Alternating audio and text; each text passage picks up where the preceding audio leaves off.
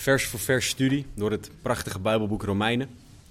Dus sla alsjeblieft je Bijbel ook open op het Bijbelboek Romeinen. Swipe, klik, doe wat ook nodig is, zodat je mee kan lezen. En we zijn in Romeinen aan het kijken naar het thema rechtvaardiging. God is door de Romeinenbrief het hele evangelie aan het uitdiepen tot een ongekend niveau. Ongekende diepte over het evangelie van God kunnen we uit de brief aan de Romeinen halen. En specifiek dan over het, over het, het gedeelte van rechtvaardiging, waarbij duidelijk wordt dat ieder mens rechtvaardiging nodig heeft. Niemand is uit zichzelf rechtvaardig. Niemand staat uit zichzelf recht tegenover God. Niemand is zonder zonde. En daarom kon Paulus ook in Romeinen 3 de conclusie trekken dat allen doemwaardig zijn in Gods ogen. Allen, iedereen, ik inclusief, niemand uitgesloten. Want door onze daden zijn wij uitgesloten van de eeuwigheid bij God. Want onze daden zijn zondig. En daar is de rechtvaardiging dan nodig. En de Bijbel laat ons zien dat rechtvaardiging alleen door geloof in Jezus Christus is. En de Bijbel laat ons zien dat geloof vanaf het begin af aan de enige manier is om gerechtvaardigd te worden. En dan worden er oud-testamentische voorbeelden aangehaald om te laten zien dat dit niet een nieuw iets is. Dat het christendom niet een soort van een nieuwe afslag is waarbij we anders naar dingen kijken. Nee, het is een logisch voortzetten van wat er in het Oude Testament gebeurd is. En als je dan gelooft in de Heer Jezus als zoon van God, als jij dan dat reddende geloof hebt, dan kom je in het proces van heiliging terecht. In Romeinen 7 en 8 is Paulus ons aan het uitleggen wat heiliging is. Het is meer op Jezus gaan lijken. Mijn samenvatting van Romeinen 8, 29. Meer op Jezus gaan lijken. Maar we weten tegelijkertijd door het stuk waar we nu in zitten in Romeinen 8, dat God daar ook lijden voor gebruikt. Vanaf vers 18 in Romeinen 8 laat God zien dat Hij ook pijnlijke dingen gebruikt. Om ons te laten zien wie Hij is. Ja, Hij gebruikt de mooie dingen. Ja, Hij gebruikt de goede tijden en de goede momenten. Maar God gebruikt ook pijn en lijden. Jezus heeft ook vanaf het begin duidelijk gemaakt dat pijn en lijden een onderdeel is van het christen zijn. En dat is niet om ons te ontmoedigen, maar we mogen juist bemoedigd zijn. Eén, dat we weten dat het komt. En twee, dat Jezus bij ons is in die tijd. Daar mogen we bemoedigd in zijn. Maar om ons echt te bemoedigen, heeft Paulus laten zien dat dit komt dit lijden, deze moeilijke tijd. En zegt hij, en daar gaan we vandaag naar kijken, Romeinen 8, vers 31. Wat zullen wij dan over deze dingen zeggen? Als God voor ons is, wie zal tegen ons zijn?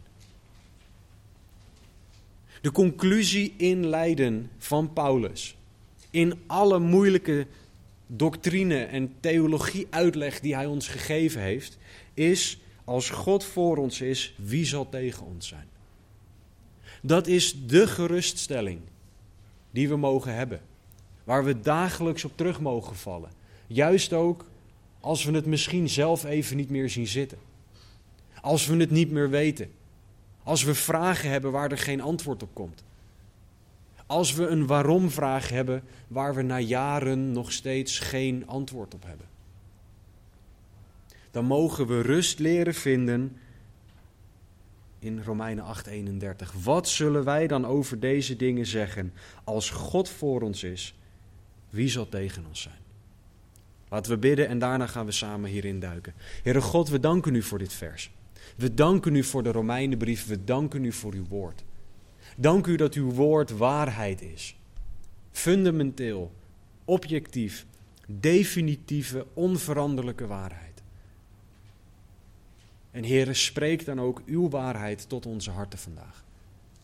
Laat er geen woorden van mij bij zitten, Heere, maar alleen maar uw woorden van eeuwig leven. Heere, we zijn u dankbaar. En we loven en we prijzen uw naam. We zien uit naar wat u gaat doen. We vragen dit in Jezus' naam. Amen. Dit is de tweede week dat we naar dit vers kijken. We hebben vorige week gezien wie deze God is, of in ieder geval een heel klein stukje van wie deze God is. We hebben gezien dat God oneindig is en dat dat een fundamentele eigenschap van God is. Want doordat Hij oneindig is, is Hij al zijn eigenschappen oneindig. Als God eindig zou zijn, zou Hij niet God zijn, maar zou Hij iets minder dan God zijn en daarmee niet goed genoeg. Maar hij is oneindig, hij is ook almachtig en hij is trouw. En dat zijn eigenschappen van God die wij nodig hebben, juist in tijden van lijden. Juist ook in de onzekere tijd waarin wij nu leven. Of in ieder geval gevoelsmatig misschien onzekere tijd. Want er is zekerheid bij God. We mogen Hem zien. We mogen rust vinden in de zekerheid dat God is wie de Bijbel zegt dat Hij is. En vanochtend wil ik met jullie verder kijken naar eigenschappen van God. Dus we gaan verder met de vraag: wie is die God die voor ons is? Want met één studie, met twee studies en met honderd studies gaan we er niet zijn om uit te leggen hoe groot God is. Maar om deze Romeinen-studie niet acht jaar te laten duren, maar grofweg twee, um, houden we het bij twee studies over wie de God is die voor ons is. Dus Paulus die vraagt, wat zullen wij dan over deze dingen zeggen? Daarmee wijst hij terug naar alles wat hij hiervoor gezegd heeft. Wat zullen we daarover zeggen? Als God voor ons is, wie zal tegen ons zijn? En dat is ook de conclusie die wij moeten trekken. Ja, Paulus heeft lastige dingen genoemd. Hij heeft dingen genoemd die ingewikkeld zijn om te begrijpen waar veel discussie over is. Maar wij moeten één ding begrijpen. Als God voor ons is, wie zal er tegen ons zijn? In heiliging is één ding belangrijk. In pijn, in vragen, in moeite, in vreugde, in blijdschap. Als God voor ons is, wie zal tegen ons zijn? In elke situatie is het belangrijk dat wij weten wie God is. Want als wij weten wie God is, dan kunnen wij ook gaan leven naar wie Hij is. In de plaats van leven naar wie wij zijn. Want misschien vind je jezelf heel sterk, maar God is almachtig. Misschien vind je jezelf heel slim, God is alwetend. Misschien vind je dat jij een hele stevige, sterke persoon bent. God is altijd sterker. God is altijd groter. Dus wat je situatie ook is, wij moeten leren leven, broeders en zusters, naar wie God is. In de plaats van naar wie wij zijn. Want wij schieten tekort, Hij nooit. Wij zullen falen, Hij niet. Mensen zullen jou falen. Mensen zullen teleurstellen, zullen je pijn doen. Hij niet. Dus in elke situatie van het leven moeten wij ons realiseren wie God is. Wie is de God die voor ons is? Zodat we kunnen leven naar wie Hij is. Paulus stelt ook nog de vraag: wie zal tegen ons zijn? Het is vooral heel menselijk ook om te denken: als er iets voor is, is er iets tegen. En afhangend van of jij een optimist of een pessimist bent, zal jij je meer focussen op wie er voor je is of wie je tegen je is. Het glas half vol, half leeg of er is geen glas. Maakt niet uit. Maar dat zit in onze karakters. Maar wij moeten ons juist als christenen leren richten op wie de God is die voor ons is. Bijbelcommentator Barnes heeft het volgende gezegd: Wie kan ons verwonden of vernietigen? Zondaars kunnen tegen ons zijn. Ook de grote vijand van onze zielen kan tegen ons zijn, maar hun kracht om te vernietigen wordt van ze afgenomen. God is machtiger dan alle tegenstanders en hij kan ons verdedigen en redden. Wie is de God die voor ons is? De God die machtiger is dan elke tegenstander. De God die ons kan en zal verdedigen en redden. Dat is de God die voor ons is.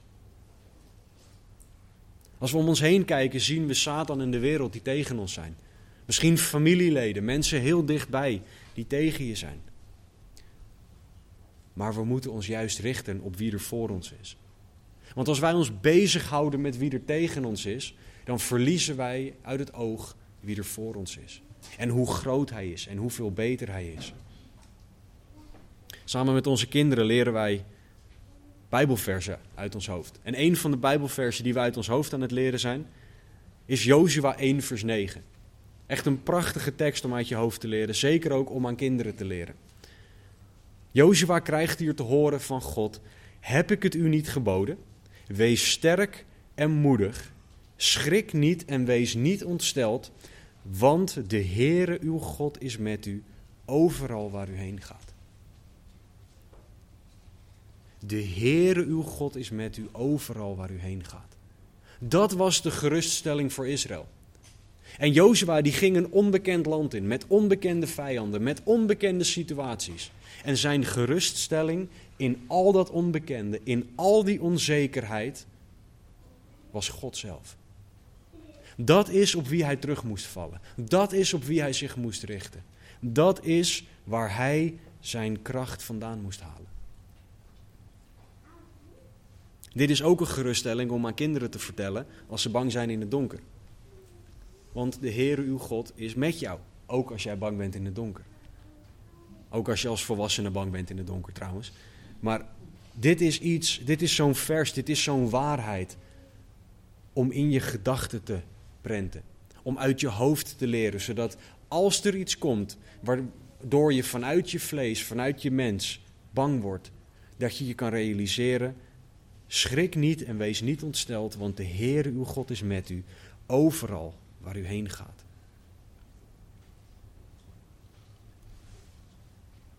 Net als vorige week wil ik naar een aantal eigenschappen kijken van wie die God is. En vorige week hebben we gezien dat God oneindig is, almachtig, dat Hij trouw is. En ik wil nu naar een aantal andere eigenschappen kijken, die voor ons ook heel erg belangrijk zijn. Juist ook in het dagelijks leven. De eerste eigenschap van de God die voor ons is, is dat Hij soeverein is. En dat, dat, dat is zo'n heel groot woord, waarvan we soms niet goed weten wat het betekent, maar het is heel erg belangrijk dat God soeverein is. Deuteronomium 4, vers 39 zegt het volgende. Daarom moet u heden weten en ter harte nemen dat de Heere God, dat de Heere God is. Boven in de hemel en beneden op aarde niemand anders. Hij is God, zegt Deuteronomium hier. En in lijden en pijn is het belangrijk om te weten dat Hij God is. Dat Hij soeverein is. Wat betekent dat Hij alles onder controle heeft. En omdat Hij God is in de hemel en op de aarde, omdat Hij overal God is, omdat er niemand anders God is, is Hij de enige die alles onder controle heeft. Is Hij de enige die alles overziet. Is Hij de enige die alles kan en zal gebruiken tot Zijn eer. Bijbelcommentator A.W. Tozer heeft het volgende gezegd over Gods soevereiniteit. Om te zeggen dat God soeverein is, is te zeggen dat Hij de hoogste is over alle dingen, dat er niks boven Hem gaat. Dat Hij absoluut is over heel de schepping. En het wijst erop dat Zijn heerschappij over de schepping betekent dat er niks buiten Zijn controle is, niets dat God niet had voorzien. Einde citaat. Gods soevereiniteit betekent dat Hij weet wat jou allemaal overkomen is. Gods soevereiniteit betekent dat Hij weet wat ons mensen over tien jaar gaat overkomen als we nog zo lang hebben. Hij weet tot in elk detail alles. En Hij heeft de controle. Hij heeft de controle over alles. Nou, nou wordt Gods soevereiniteit dan ook gebruikt om te zeggen dat wij zelf geen rol hebben in onze redding, want God heeft dat van tevoren bepaald. Nou, daarvoor wil ik je terugverwijzen naar onze eerdere studies in Romeinen 8, omdat we daar hebben gezien dat dat niet zo is. Dat God een relatie wil met de mens, dat Hij ieder mens roept, maar je kan geen relatie met een robot hebben. Iemand die voorgeprogrammeerd is om jou lief te hebben. God roept allen, maar niet allen reageren, hebben we in vers 30 gezien van Romeinen 8. En uit 2 Korinthe 5 weten we dat Jezus voor allen gestorven is, maar dat niet iedereen daar jammer genoeg op reageert. Maar als we ons richten op het deel van de soevereiniteit van God, waar, waar, wij door bemoedigd kunnen worden, dan is het dat het iets geweldigs is, want we hoeven ons nooit zorgen te maken. In zijn soevereiniteit weet God namelijk precies wat er op ons afkomt. En hij weet ook precies wat er nodig is om door die situatie heen te komen. Hij heeft alles onder controle. En in pijn en in vragen en in moeite vergeten wij zo snel dat God alles onder controle heeft. We vergeten daarmee wie God is. We vergeten dat Hij is wie de Bijbel zegt dat Hij is. En dat is ook iets dat Satan heel graag wil. De vijand van onze zielen wil heel graag dat wij vergeten wie God is. Hij wil dat wij vergeten hoeveel groter God is dan onze situatie. Satan wil namelijk dat wij gericht zijn op onze situatie en op de moeite en op de vragen en op het feit dat we het niet meer weten en niet meer zien en mensen zeggen hoe kan dit nou nog goed komen? Als wij ons richten op de God die soeverein is, dan weten we misschien nog steeds niet hoe het goed komt. En we weten ook niet wanneer het goed komt en of dat in dit leven is, maar we weten wel wie de God is die bij ons is. Dat Hij ons draagt. Dat Hij ons alles zal geven dat Hij weet dat we nodig hebben. Zelfs als dat iets anders is dan dat wij denken dat we nodig hebben. We hoeven dus niet bang of ongerust te zijn, want Hij heeft alles in de hand. Hij is overal bij, ziet alles. Jouw leven, jouw alles is veilig in Zijn handen. Jouw situatie is Hem bekend. God is soeverein. En in zijn soevereiniteit is het belangrijk dat hij almachtig is, omdat hij altijd zijn wil uit zal voeren. En hij heeft dus ook de macht om zijn wil altijd uit te voeren. Psalm 115 zegt dat God doet wat hij wil. Niemand is sterk genoeg om Gods wil te veranderen. Niemand is sterk genoeg om God ervan te weerhouden om zijn doel te bereiken. Want God is soeverein. In zijn soevereiniteit is God absoluut en compleet vrij om te doen wat hij wil. En wij mogen ervoor kiezen om te leven naar het feit dat Hij groter is dan elke situatie. Dat Hij sterker is dan alles wat er op ons afkomt. Dat Hij alles onder controle heeft, ook als alles in lijkt te storten. En misschien alles al ingestort is. En dat als je denkt dat je niet dieper kan gaan, dat het nog verder kan. Ook dan is God soeverein. Ook dan heeft God alles onder controle. Ook dan is God dezelfde. En kan je Hem perfect vertrouwen. De God die voor ons is, is soeverein. Een tweede eigenschap van de God die voor ons is, is dat Hij liefde is. 1 Johannes 4:8 zegt het volgende: Wie niet lief heeft, kent God niet, want God is liefde. En jammer genoeg ben ik altijd een beetje word ik een beetje heen en weer getrokken als ik denk aan Gods liefde. Want aan de ene kant is het een van de mooiste en een van de meest fijne eigenschappen van God die er is. En tegelijkertijd is het ver boven alles uit de meest misbruikte eigenschap van God die er is. Want Satan heeft mensen ervan overtuigd dat de volgende logica klopt. God is liefde, dus liefde is God. Voor degene van jullie die wiskundig dingen interessant vinden, A is B, dus B is A. Dat is wat men zegt. God is liefde, dus liefde is God. En op het moment dat we dat geloven, dan staan we open voor de volgende conclusie. God is liefde, liefde is God, dus alles wat liefde is, of wat wij liefde noemen, dat vindt God goed. En dan opeens zijn we afgedwaald van wie God is. Dan zijn we afgedwaald van wat de Bijbel leert. En Satan heeft dit zo geniepig gedaan dat dit in de kerk, of wat zich de kerk noemt, alom aanwezig is. God is liefde, liefde is God, dus alles wat liefde is, of wat wij liefde noemen, is goed. En dit laat zien dat wij liefde niet begrijpen. En al helemaal dat wij God niet begrijpen. Want deze definitie draait om de mens en hoe wij dingen definiëren. In de plaats van om te zien hoe God liefde ziet. Want wat we gedaan hebben door dit ene vers te pakken, God is liefde en liefde is God, is dat we, zoals wel vaker, niet doorlezen in de Bijbel. Want 1 Johannes 4:8, wie niet lief heeft, kent God niet, want God is liefde. En als we doorlezen, vers 9 tot en met 11, legt God uit wat dat betekent. Hierin is de liefde van God aan ons geopenbaard. Dat God zijn enige geboren zoon in de wereld gezonden heeft, opdat wij zouden leven door hem. Hierin is de liefde. Niet dat wij God lief gehad hebben, maar dat Hij ons heeft lief gehad en zijn zoon zond als verzoening voor onze zonden. Geliefden, als God ons zo lief had, moeten ook wij elkaar lief hebben. God definieert hier voor ons hoe zijn liefde eruit ziet. Wat zijn liefde is, hoe die liefde geleefd moet worden en hoe God die liefde aan ons heeft laten zien. En hij heeft dat gedaan door zijn zoon te geven voor zondaren. Daarmee kunnen wij niet zeggen dat wij gaan bepalen wat liefde is. Want God heeft ons al verteld hoe die liefde is. Hoe die liefde eruit ziet.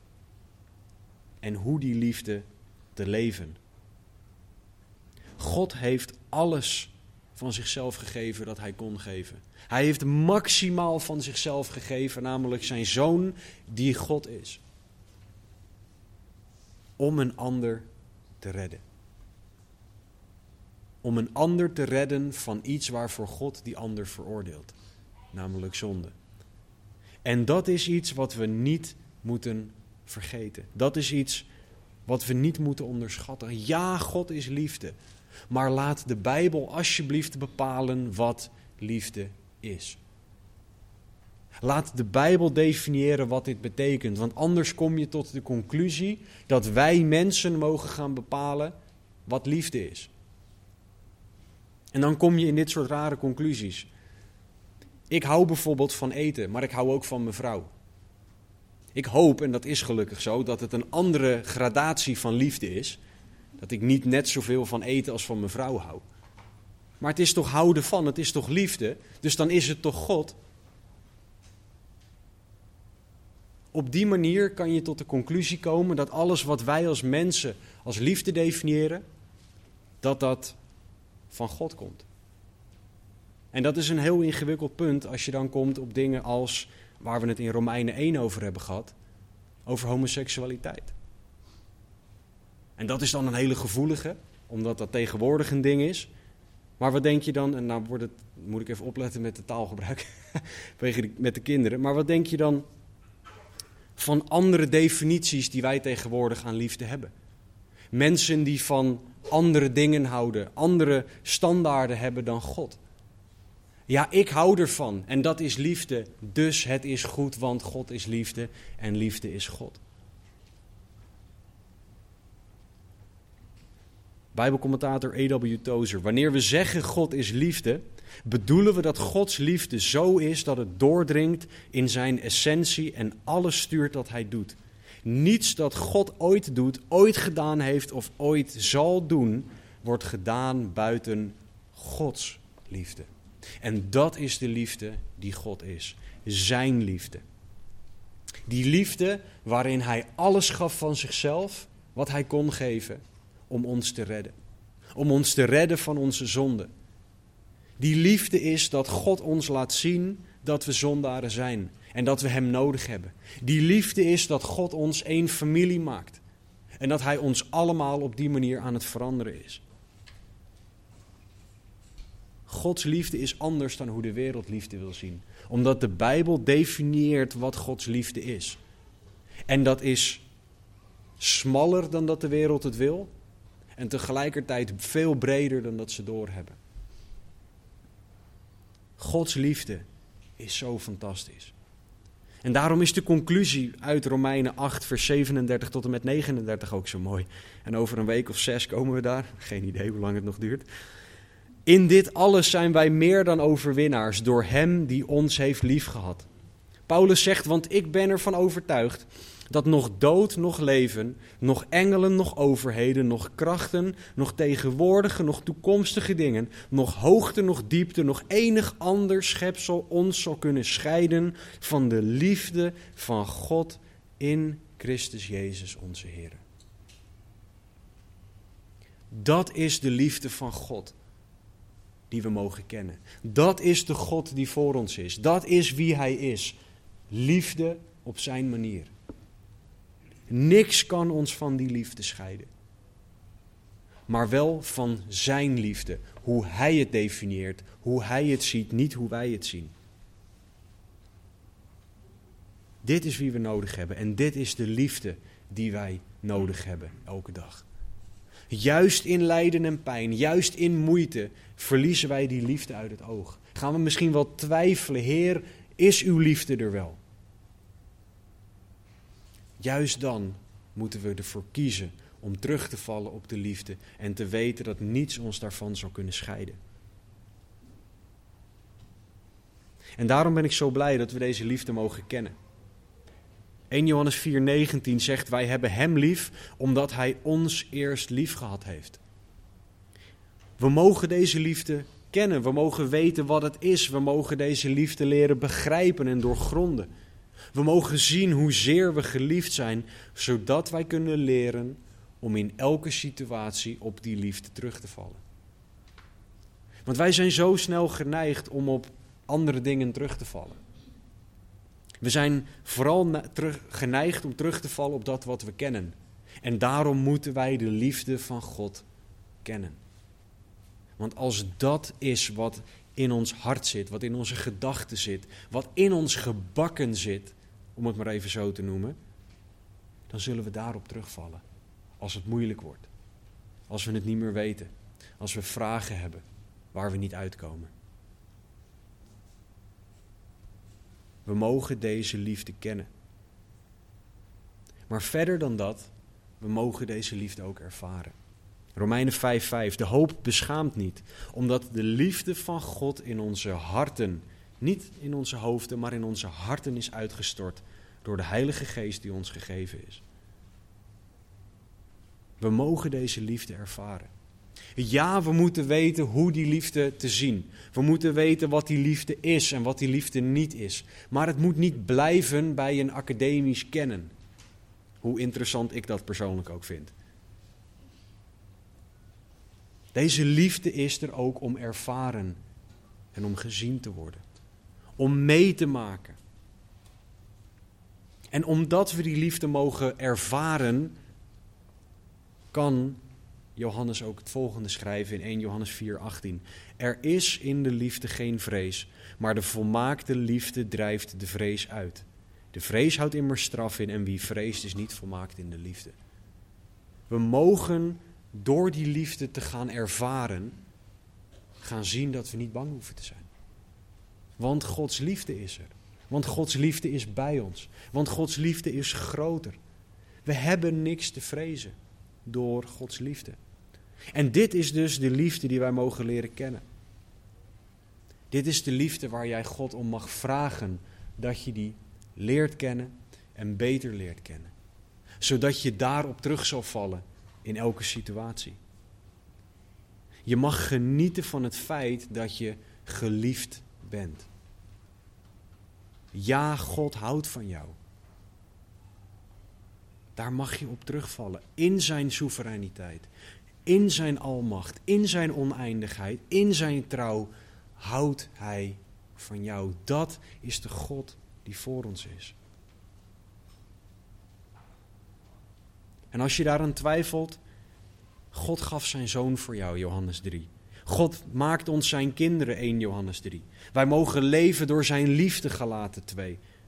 En die liefde die hoort zichtbaar te worden in de kerk, Johannes 13. Deze liefde van God hoort overal te zijn in ons leven als christenen. Overal horen wij die liefde te zien, te ervaren, te leven. En we mogen die liefde aan God vragen. De God die voor ons is, is liefde. Maar om een gebalanceerd beeld van God te hebben, kunnen we niet ons alleen maar richten op het feit dat God liefde is. Want ja, hij is liefde, maar de God die voor ons is, derde punt, is ook rechtvaardig. In zijn liefde is hij rechtvaardig. Psalm 11, vers 7. De Heere is rechtvaardig. Hij heeft rechtvaardige daden lief. De oprechten zullen zijn aangezicht aanschouwen. Nou, wat betekent rechtvaardig? Ik heb Vandalen daarvoor gebruikt. In overeenstemming met het recht. Dat is ook zo'n definitie waar je eigenlijk niks aan hebt. Want het, het gebruikt de, de, eigen woorden om te, te vertellen hoe je het moet definiëren. Maar wat het betekent is dat God alle dingen zal doen die goed zijn.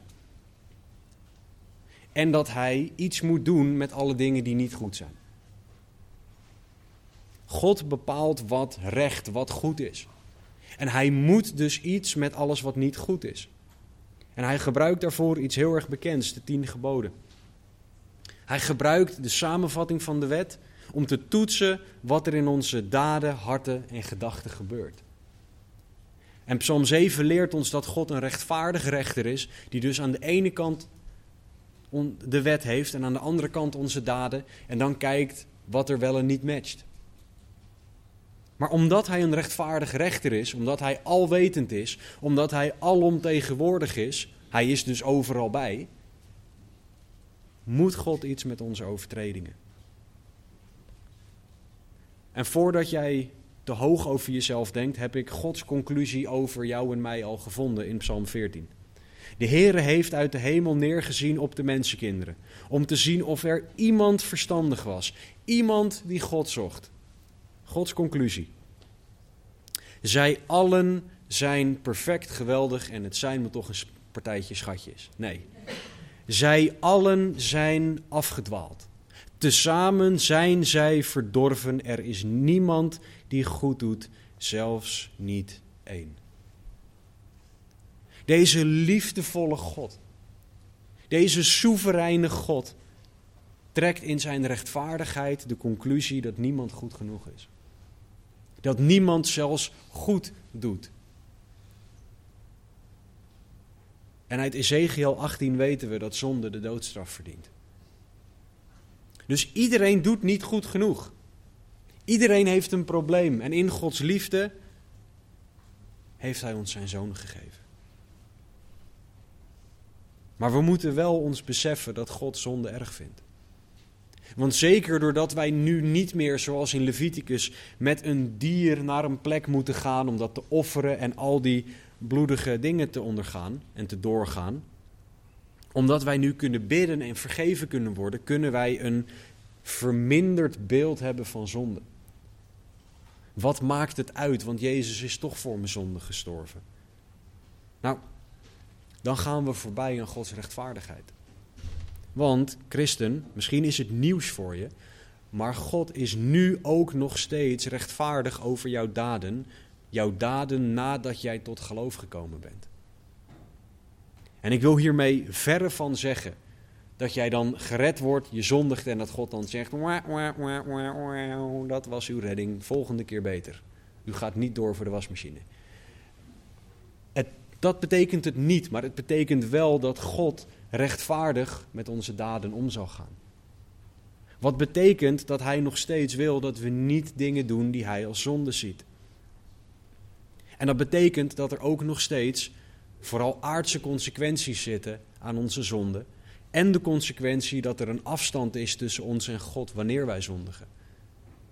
Dat we niet die intieme relatie hebben totdat die zonde beleden is en dat we terugkomen bij God.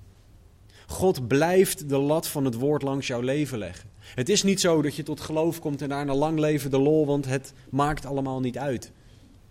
Je komt tot geloof en daarna ga je dat heiligingsproces in. Meer leven als Jezus. Hij wil dat we gaan leven naar zijn standaard. Petrus vat het als volgt samen in 1 Petrus 1. Word als gehoorzame kinderen, dus kinderen van God, niet gelijkvormig aan de begeerte die er vroeger in de tijd van uw onwetendheid was. Maar zoals Hij die u geroepen heeft heilig is, wordt zo ook zelf heilig in heel uw levenswandel. Want er staat geschreven, wees heilig, want ik ben heilig. Die lat legt God naast zondaar en, en christen, naast elke zondaar moet ik eigenlijk zeggen, langs niet-gelovigen en welgelovigen. Die lat blijft liggen, want God is rechtvaardig. En als christenen vergeten we deze lat vaak. Maar we mogen weten dat in Jezus wij van God een positie van rechtvaardig hebben gekregen, waardoor wij bij God kunnen komen, waardoor dingen hersteld kunnen worden. Maar we mogen nooit vergeten dat onze God, de God die voor ons is, rechtvaardig is. Want in zonde en in pijn, in moeite moet ik eigenlijk zeggen en in pijn, is het zo makkelijk om te denken: ik heb pijn, dus ik heb nu recht om iets te doen waar ik zin in heb, zelfs als dat zonde is. Wij zijn zo bereid om toch te zondigen op het moment dat dingen tegenzitten. Want dan wil ik even lekker boos worden. Of dan wil ik gewoon even lekker dit doen. En dan zien wij zonde niet meer zoals God het ziet. Dan, zien, dan vergeten wij dat God rechtvaardig is en perfect is. En dan leven wij niet meer naar wie Hij is. 2 Korinthe 5, 21. Hem die geen zonde gekend heeft, dat is Jezus, heeft Hij God voor ons tot zonde gemaakt, opdat wij zouden worden gerechtigheid van God in Hem. Dat is de positie die jij gekregen hebt. Leef daar alsjeblieft naar. Juist in tijden dat je het niet ziet, dat je het niet weet, dat je vragen hebt, moeite, pijn en verdriet. Hou je vast aan het feit dat God rechtvaardig is. Vergeet niet dat God rechtvaardig is, zodat je zal leven naar Zijn standaard. Zodat je zal leven naar wat Jezus voor jou gedaan heeft, in de plaats van naar wat jij zelf kan doen. De laatste eigenschap van God waar ik kort naar wil kijken, want de tijd schiet tekort om lang naar elke eigenschap te kijken, laat staan om naar elke eigenschap die we kunnen vinden te kijken. De God die voor ons is, is een verterend vuur. Hebreeën 12, 29. Onze God is een verterend vuur. En dit sluit aan bij de vorige over de rechtvaardigheid van God. Wij vergeten zo vaak wie God echt is. Satan heeft ervoor gezorgd dat wij ook in de kerk denken dat God een soort Sinterklaas is. Die je eigenlijk niet boos kan maken. En alles wat je vraagt is oké. En hoe je bij hem komt, maakt niet uit. Hij is een soort teddybeer, een soort kerstman, Sinterklaasachtig persoon. Maar dat is niet wie God is. Hij is een verterend vuur. En ik weet niet hoe het met jullie zit, maar ik heb over het algemeen best wel veel ontzag en respect voor vuur. Ik zal niet zo snel gewoon een kaars die aanstaat door de kamer heen gooien of zo. Ik zal niet zo snel met vuur gaan zitten spelen. Want als je met vuur speelt, moet je op de blaren zitten. Zoals het gezegde gaat. En dat is hoe wij ook naar de Heer horen te kijken. Dat is hoe wij met de Heer horen om te gaan. Niet zomaar, maar met respect. Met ontzag. En dan niet dat respect van, zoals we tegenwoordig dan hebben. Ook, dat slaat helemaal nergens op dat we dat respect noemen. Respect voor God betekent dat je weet wie Hij is. En dat je ontzag hebt. Vrezen des Heren omdat hij zo groot is. En daarom is die eigenschap dat God een verterend vuur is zo beeldend. Want vuur verteert letterlijk. Steek maar eens iets in de, in de fik. Het gaat kapot. Het haalt dingen weg. En dat is wat God als verterend vuur bijvoorbeeld in ons doet. Hij haalt dingen uit ons weg. En wij willen dan heel graag dat het allemaal lief en zacht en met hele zachte handschoenen is. Nee, soms steekt God gewoon de fik erin. En is dat wat nodig is om iets uit ons weg te halen?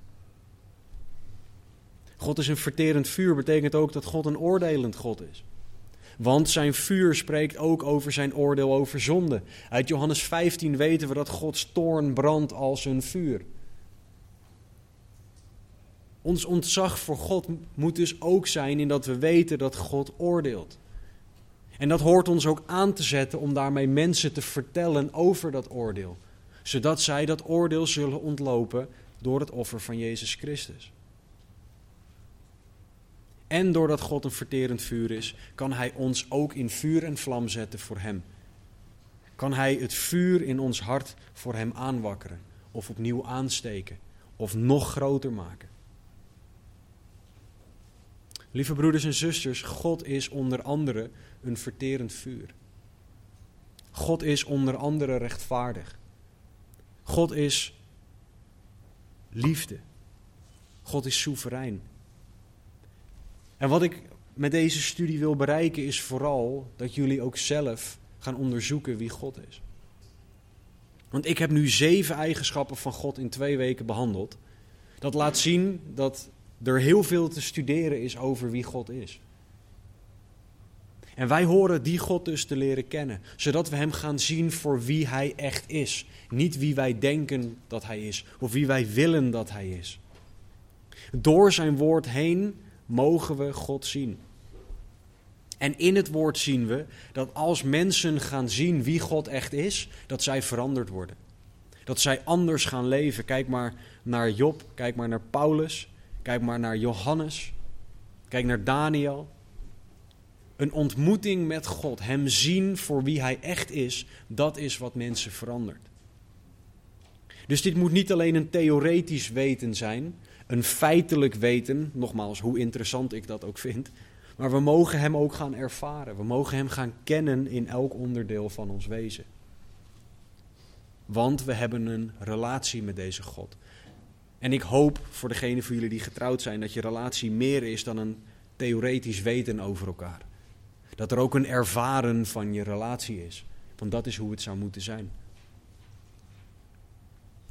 Jeremia 9, vers 23, 24.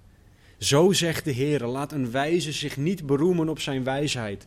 Laat de held zich niet beroemen op zijn sterkte. Laat een rijke zich niet beroemen op zijn rijkdom. Maar laat wie zich beroemt, zich daarop beroemen dat hij begrijpt en mij kent dat ik de Heer ben, die goedertierenheid bewijs, recht en gerechtigheid op de aarde doe, want in die dingen vind ik vreugde, spreekt de Heer. Wij horen te roemen in het feit dat wij God kennen. En dat is wat wij nodig hebben in lijden. En in pijn en in vragen en in moeite. Dat we God kennen. Dat is wie we nodig hebben. Dat is de God die voor ons is. En dat is waarom het een bemoediging is dat Paulus in Romeinen 8:31 zegt: Als God voor ons is, wie zal tegen ons zijn? Als alles tegen lijkt te zitten, mogen we God kennen. Als alles goed gaat, mogen wij God kennen. En dat is wie we nodig hebben. Als jij Hem gaat zien, meer gaat zien voor wie Hij is, zal dat je leven veranderen. Als jij meer met ontzag voor Hem gaat leven. En dat is wie jij elke dag nodig hebt. Zeker wij mensen zijn zo op zoek naar die magische formule, dat als je twee minuten dit doet of vijf minuten dat, dan wordt alles beter. De enige conclusie over wat wij horen te doen, is dat wij God horen te leren kennen. En zoals het leren kennen van ieder persoon tijd kost, kost het leren kennen van God ook tijd. Maar het is het beste dat je kan doen. Het is het beste dat je kan overkomen. Dus als jij nog niet gelooft vandaag, dan is vandaag de dag om Hem te gaan leren kennen. Dan is vandaag de dag om te geloven in deze soevereine, liefdevolle, rechtvaardige, vurige God. Deze God houdt van jou en dat laat Hij zien in het feit dat Hij zondaren wil redden door Zijn Zoon. Hij gaf Zijn Zoon voor jou zodat jij nu gered kan worden. Dus geloof in Jezus, accepteer Zijn offer voor jouw zonde, beleid dat jij een zondaar bent, vraag om vergeving en het woord belooft dat jij gered bent. En dat jij deze God de rest van je leven mag gaan leren kennen. Christen, God is voor jou. Realiseer jij hoe fantastisch dat feit is? Hij wil dat jij Hem kent. Hij wil dat jij Hem beter leert kennen. Dus geloof jij en leef jij naar het feit dat God soeverein is. Dat Hij alles onder controle heeft. Leef jij naar het feit dat God liefde is zoals de Bijbel liefde definieert. Christen, zie jij in dat God rechtvaardig is, ook nu jij al gelooft? Leg jij de lat op dezelfde plek als God of leg jij hem lager omdat, je omdat dat jou beter uitkomt? En christen, vergeet nooit dat God een verterend vuur is, waardoor je ontzag voor hem hoort te hebben. En laat dat jou aanzetten tot heilig leven en mensen vertellen over die God die dat verterende vuur is. Zodat ook zij gered zullen kunnen worden, omdat God van hen houdt. Laten we bidden. Heere God, we danken u voor wie u bent. Heere, we danken u dat u zo onwaarschijnlijk groot bent en dat we u toch mogen kennen. Dat u oneindig bent, Heer, en dat u toch dichtbij bent bij ons mensen. Heer, we danken u dat u soeverein, liefdevol, rechtvaardig en een verterend vuur bent. We danken u voor de zegen dat we u mogen kennen. En vooral dat wij door u gekend mogen worden. Heer, we danken u dat u in elke situatie er bent. En Heer, dank u wel dat we altijd op u terug kunnen vallen. Heer, ik bid dat u op dit moment uzelf aan en ieder zal laten zien. Die hier zit, die luistert, die naluistert. Laat u zelf zien voor wie u bent. Geef ons het verlangen om u beter te leren kennen.